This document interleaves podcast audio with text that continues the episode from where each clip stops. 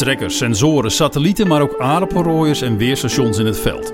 Ze hebben één ding gemeen. Ze creëren een overdosis aan data. Overdosis aan data. Wat kun je eigenlijk met die data? Kun je geld mee verdienen of juist geld mee besparen? En is het wel slim om die data zomaar te delen met de fabrikant? Of kun je de data beter zelf opslaan? Beter zelf opslaan. Redacteur Chris Vlaanderen praat met de mensen die al langer met data werken. Dit is Databoeren, een podcast van Megaman. In samenwerking met Stichting Boer en Data. Ik ben Jacob van der Borne. Ik heb een akkerbouwbedrijf in de Reuzel. Dat is tegen de Belgische grens aan. Ehm, wij telen voornamelijk aardappelen. Daarnaast ook nog suikerbieten, mais, eh, granen. Eh, We zijn ook begonnen aan zoete aardappelen, aan pastinaken, aan uien. Dus we zijn eh, ons bouwplan sterk aan het uitbreiden. En wij gebruiken sinds 2006 precisie op ons bedrijf. Op jouw akkerbouwbedrijf wordt er enorm veel data gegenereerd. Op welke manier allemaal? Nou, bijna elke machine die wij eh, gebruiken, die heeft inmiddels een datalogger. Alle trekkers hebben standaard een, een, een VarioDoc-account, zoals dat bij Fendt heet. Maar dat wil niks meer zeggen dat alle, alle sensoren van die trekker worden gelogd eh, op, alle, op alle percelen. Om dat goed te kunnen doen, is dus de basis een goede perceelsgrenzenkaart. Hè, want die trekker die kijkt eh, via GPS of hij binnen een perceel is en vraagt dan automatisch, eh, moet ik een taak starten. De trekkers hebben dus zijn geconnected eh, via VarioDoc, maar alle, de meeste machines die ik heb zijn eh Isobus machines. En ook die eh, gaan via de trekker, eh, via VarioDoc, dus eh, naar een database portaal. Maar ik heb ook machines die dat niet hebben, bijvoorbeeld een opbrengstmeting op mijn aardappelrooier of een bodemscanapparaat. Dat zijn voorlopig nog geen Isobus machines en die moeten we dus op een aparte manier ook in die database zien te krijgen. Nou, als je aan data begint, dan is er één hele belangrijke, eh, een, hele belangrijke eh, definitie. Eh, je moet weten in welke nauwkeurigheid je data opslaat, want die nauwkeurigheid gaat ook heel erg van belang zijn als je straks data wil ageren of interpreteren. Dan moet jij weten welke nauwkeurigheid data heeft. Nou, voor, om dat goed te doen hebben wij binnen ons bedrijf gekozen om vier nauwkeurigheidsniveaus van data aan te houden. En dat is boerderijniveau, veldniveau, zoneniveau en plantniveau.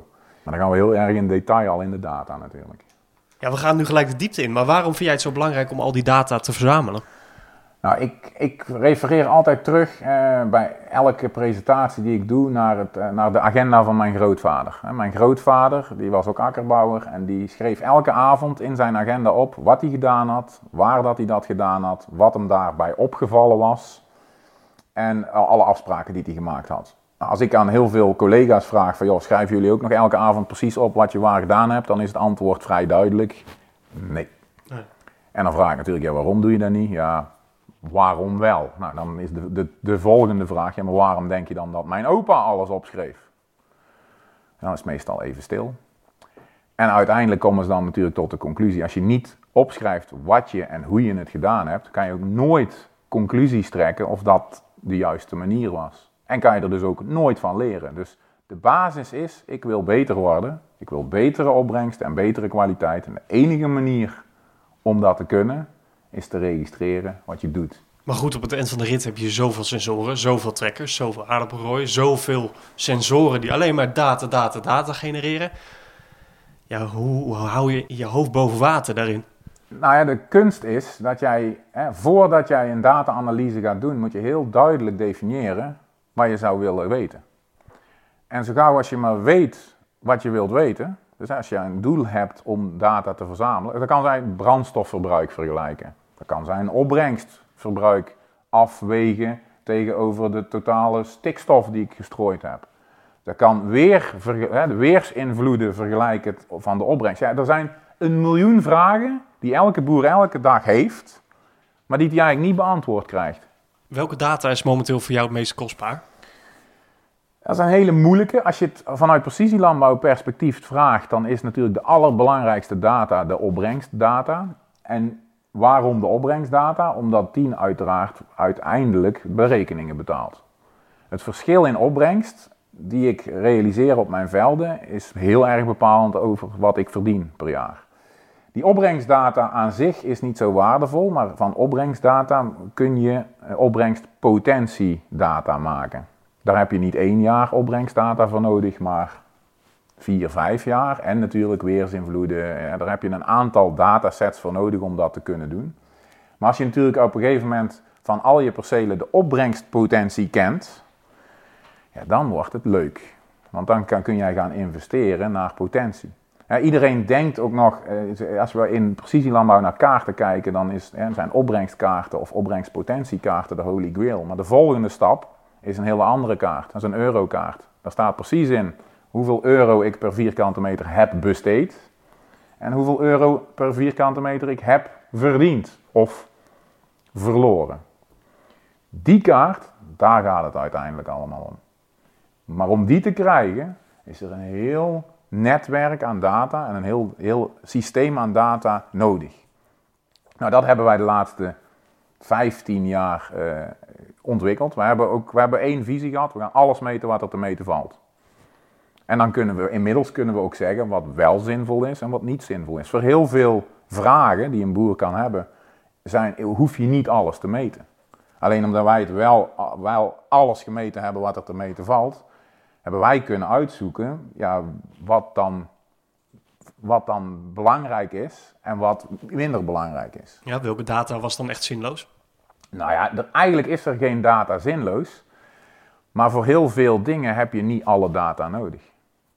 Het wordt, jouw model wordt beter en jouw, uh, je kunt met nog meer data nog beter bewijzen dat het werkt. Maar als uiteindelijk ik met uh, vier datasets dezelfde uitkomst kan krijgen als met 200, waarom zou je dan investeren in 200 datasets? Wij doen het wel, maar ik doe het natuurlijk vanuit onderzoek. Alle data wordt verzameld in Cloudfarm. Kun je daar meer over vertellen hoe dat werkt, hoe dat zit?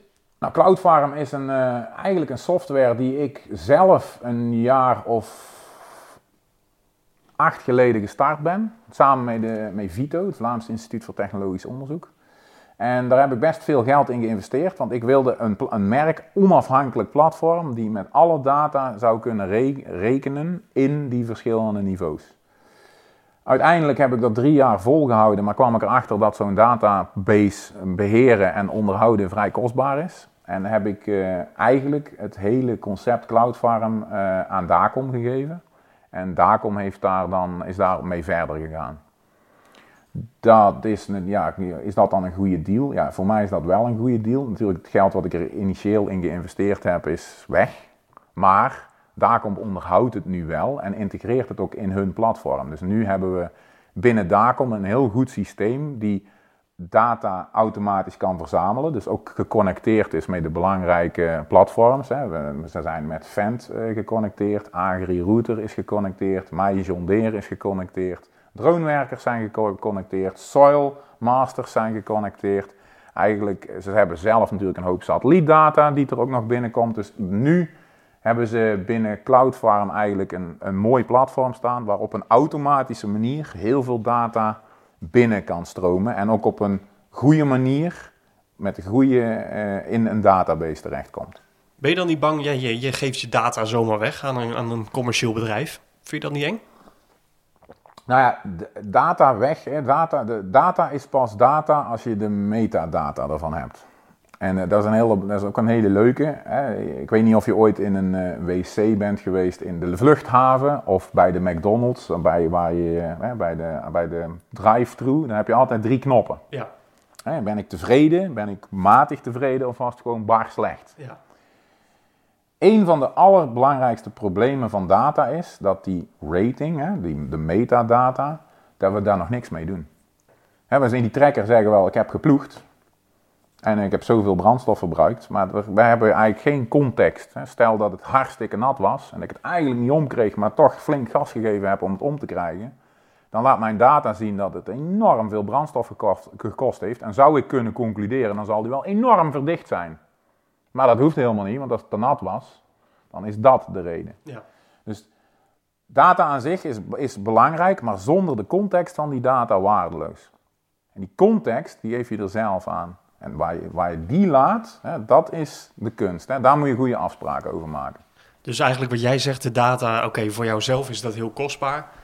Maar goed, een DACOM zij mogen het hebben, want eigenlijk kunnen zij daar niet zoveel mee. Voor hun betekent dat niet zoveel. Zij kunnen, zij kunnen daar natuurlijk ook algoritmes en, en big data en deep learning op loslaten. Maar dan gaan die, die resultaten gaan altijd de, de effecten weergeven van degene die de data gemaakt heeft.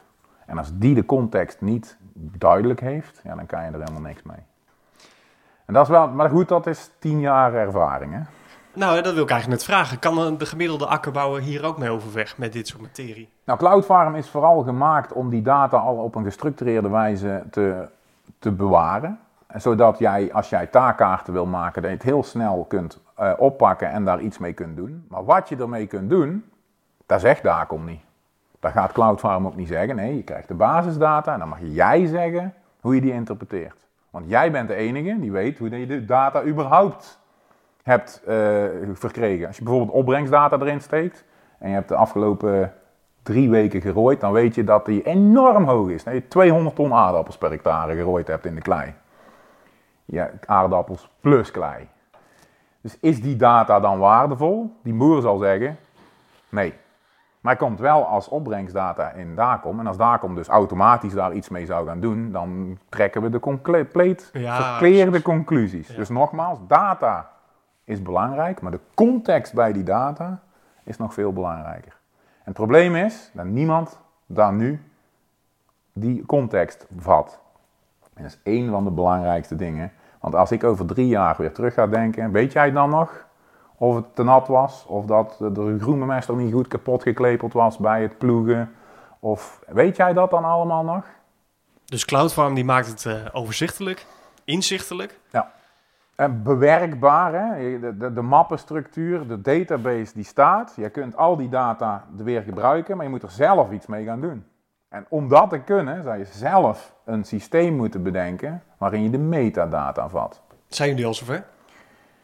Wij zijn heel zwaar aan het pushen, en dan vooral aan de, bijvoorbeeld aan ventzijde, om, een, om die knop te krijgen. Dus als ik eh, van op het veld rij, dan zegt hij je bent hier. Dan heb ik nog ingesteld dat hij ook vraagt, wat kom je doen? En als je van het veld rijdt, dan zegt hij, uh, ja, ben je klaar? En dan kun je zeggen, ja. Nou, daar willen we een stapje bij hebben, met drie smileys. Als we dat voor elkaar krijgen, dan kan ik heel simpel filteren. Ik wil alleen maar alle smile, de goede smileys, met die data gaan we rekenen. Alles wat middelmatig of slecht was, gaan we niks mee doen. Als we dat al voor elkaar zouden krijgen, dan zijn we al heel veel verder in data processing en verwerking. Dus dat bordje die nu nog op het toilet hangt bij, uh, op Schiphol? Die komt een keer in de computer van de trekker. Zekers te weten. Ik kom hier net het kantoor binnen en jij zegt, ja, ik ben op dit moment heel druk. Ondanks dat er op het land niet veel hoeft te gebeuren, zit je wel volop achter de computer te werken en de data te analyseren. Dat is een taak die uh, de gemiddelde akkerbouwer in Nederland uh, misschien helemaal niet kent. Wat, wat, wat doe je dan? Jij zegt, ja, ik ben er de hele winter eigenlijk wel mee druk. Nou ja, wij, wij, wij stellen ons dus tijdens het seizoen allerlei vragen. Heeft dit invloed op, op dat? Of is nou, waarom zijn die aardappelen zo snel doodgevallen op dat perceel? Of waarom is die plek veel minder in opbrengst dan die plek? Of waar, hè, we doen ook allerlei proeven. Hè, we hebben ook een proefbedrijf erbij. Waar we inmiddels nu heel veel, uh, eigenlijk de resultaten van alle proeven aan het analyseren zijn met de data. En ja, eigenlijk zitten we heel de, eigenlijk heel de winter te broeden op van, ja, wat willen we eigenlijk weten? Hoe kunnen we nou die data van de afgelopen tien jaar inzetten om het volgend jaar meer geld te verdienen? Wat is de grootste vraag voor deze winter? Waar je een antwoord op wil krijgen? Nou, we hebben er verschillende. Uh, maar een van de belangrijkste is de berekening natuurlijk. We hebben de laatste drie jaar een best droge seizoenen achter de rug. En er zijn nogal discussies. Hè. Wij werken met sensoren. Wij vullen alleen aan wat, er, uh, wat, wat de grond kan bergen. Um, en we proberen nu de stap te maken naar variabel berekenen. Dus aan de hand van de gewasverdamping. Hè. Hoe meer biomassa, hoe meer verdamping, dus hoe meer water. Hè, die, die discussies die zijn we nou aan het uitkristalliseren van... Ja, waar, wat werkt wel en wat werkt niet en wat zijn de marges en hoe moet ik daarop gaan investeren? Moet ik meer haspels hebben? Waarschijnlijk, dat is een van de conclusies, want als je alleen maar geeft wat er verdampt wordt en geen voorraad in de grond gaat brengen, dan heb je meer berekeningscapaciteit nodig. Maar van de andere kant krijg ik ook vragen vanuit politiek van, uh, kan, kun, kunnen jullie echt meer mee minder? Want dat wordt heel vaak van de politiek denkt dat wij tovenaars zijn, dat wij allemaal met minder meer kunnen. Maar dat is dus niet waar. Wat we wel kunnen is efficiënter, dus minder verspillen. Maar dan is meestal de vraag, ja, maar kun je ook bewijzen dat je minder verspilt? Nou ja, die vraagstukken, dat zijn wij zo ja, eigenlijk heel de winter aan het bekijken. En het is ook maar net welke projecten dat er draaien, welke vragen wij krijgen en welke doelstellingen dat we zelf hebben. We hebben bijvoorbeeld doelstellingen binnen het bedrijf om efficiënter met minder mensen meer te kunnen doen. Nou, dat kunnen we aan de hand van de data bekijken. Of trekkers met elkaar vergelijken. We planten met een 828 en met een 724 is toch 100 pk verschil. Nou, dat is niet waar. 50 pk verschil, maar zwaardere trekker, meer bodemverdichting. Nou, die kunnen, wij kunnen eigenlijk vrij eenvoudig nu zeggen van ja, doe maar eens een analyse. We hebben, ieder heeft er 100 percelen geplant. Nou, laat maar eens zien. Tuurlijk kan dat eigenlijk weer niet, want al die percelen zijn weer anders en zijn zwaarder en lichter. Maar we hebben natuurlijk ook percelen waar we op één perceel met twee machines rijden. Nou, dat is de proef dan. Hè? Kijken, want ja, wat doen we? Hoe je ze even hard? Gebruiken ze dan evenveel brandstof? Die, die discussies, ja, die, die zijn leuk. En die laat ik ook, de meeste van die discussies, daar wordt over gebrainstormd in de, in de kantine tijdens de pauzes. Van joh, uh, wat denken we hierover, wat denken we daarover? En een paar dagen later, dan laten wij het zien. Ja, jij bent er niet bang voor om je data te delen met andere akkerbouwers? Nou, nee, nee. Ik denk, je, je moet gewoon duidelijke afspraken maken over data-eigendom. De, de, ik heb, het is heel simpel. De bodemdata is van de bodemeigenaar. De gewasdata is van de gewaseigenaar. En dus nooit van degene die de techniek levert om die op, om die op te nemen. Het zou nogal erg zijn. als van John Deere morgen claimt dat alle opbrengstdata die zij met hun combines hebben, dat, dat die van hun is. Dat mag wel. ik wil hem graag aan John Deere verkopen als zij daar een businessmodel zien, maar dan wil ik er geld voor beuren. Maar ik weet bijvoorbeeld, jij hebt een AVR, zo'n nieuwe Puma. Ja. Dat is ook een, een connected machine die al zijn data doorstuurt. Deel je die met AVR, die, die, die data? Nou, in principe, ik heb het mee ontwikkeld, het, het, het AVR Connect portaal. En die data, die staat op de server bij AVR. Dus inderdaad, AVR weet welke opbrengsten dat ik heb en welke spreiding. Maar, maar AVR weet bijvoorbeeld ook dat het Blue-gebruik van de nieuwe Puma 4 vele malen hoger is dan die van de Puma 3. Maar vind je dat wel prettig, dat ze alles over jou weten? Nou, welke afspraken maak jij? Met AVR is het heel duidelijk dat die opbrengstdata, dat, die, zij die niet mogen gebruiken zonder mijn toestemming. En als ze dat wel willen, dan moeten ze voor betalen. Ja, precies. Want dat is nog wel een, een dingetje. Want de Nederlandse boer die, die, die rijdt op het veld, die, die, die genereert data. Eigenlijk ben jij het proefpersoon van de fabrikant. Ja, in feite wel. Ik ben dan ook wel scherp mee, die fabrikanten. Wij, wij hebben het daar met AVR ook over gehad. En ik heb er op zich geen problemen mee dat zij zien wat voor opbrengsten dat ik heb. Maar ik heb er wel problemen mee als zij die data in gaan zetten voor hun eigen businessmodel. Als ze dat doen, dat is goed, vind ik ook nog geen probleem. Maar dan wil ik of korting op het portaal. dat is ook wat ik aangegeven heb. Dus jullie mogen best nadenken over een verdienmodel van die data. Je moet alleen goede afspraken maken over de eigendom van die data. En je moet niet, vooral niet bang zijn om die data niet te willen delen. Want een nieuw verdienmodel van de boer van de toekomst is gewoon het verkopen van zijn data. Als AVR mijn data wil gebruiken om hun machine minder brandstof te laten verbruiken, bij lagere drukken te laten werken en minder emissie te, eh, te doen, en ze hebben daarvoor alle data van alle Puma 4's nodig, dan hoop ik dat korting krijg op het AVR Connect platform. Zij zijn er ook van overtuigd dat het, eh, het, het, verzamelen van die data ook van waarde kan zijn voor de ontwikkeling van nieuwe machines. Even een ander voorbeeld, Klaas en John Deere verkopen hun beste dorserinstellingen inmiddels ook. Hoe waren denk je dat ze die vandaan halen? Ja, één keer raden. Dus ja, het is allemaal een businessmodel. En wil een boer daarvoor betalen? Als ik 20 ehm, euro of, of 100 euro zou moeten betalen om de beste afstelling van mijn combine te krijgen, zou je het niet betalen? Jij zet nu je data eigenlijk allemaal op de server bij Dacom. Zou het niet perfect zijn als je dat op een eigen server hier op het erf hebt staan? Ja, ik heb ook een eigen server op het erf staan om die data te zinken. Maar het zelf onderhouden van een server of van een NAS en daar goed mee omgaan, schijven wisselen. Ik heb toch best wel kosten. Ik kan het niet voor die 150 euro per jaar. Dus jij verwacht ook niet dat daar toekomst in zit? Nee, want als dat zou zijn, dan zouden wij het internet ook niet gebruiken. Dan zouden er ook geen datacenters staan. Hè, je moet van je, moet, je infrastructuur moet, moet je goed zorgen, maar ook heel veilig zijn. En je kunt dat zelf doen, maar één nas is niet genoeg. Als ik één nas in mijn huis zet en mijn huis brandt af, dan heb ik ook niks. Jij bent lesmateriaal aan het opzetten over precisielandbouw. Komt daar dataverwerking, dataverzameling ook in voor? Ja, eh, dus wij, zijn een, wij gaan een, een, een digitaal lesplatform maken uh, voor precisielandbouw. En het doel daarvan is eigenlijk dat uh, die laatste, die, die afgelopen 14 jaar, waar wij echt gevochten hebben met de manier waarop we data verzamelen en hoe we het dan interpreteren en er context aan geven. Die, die manier die, die zet ik nu op papier, zodat anderen dat niet meer hoeven te ontdekken. Hè, dat niet meer uit hoeven te zoeken. Deze manier die werkt voor mijn bedrijf en ik denk dat die ook werkt voor alle andere bedrijven.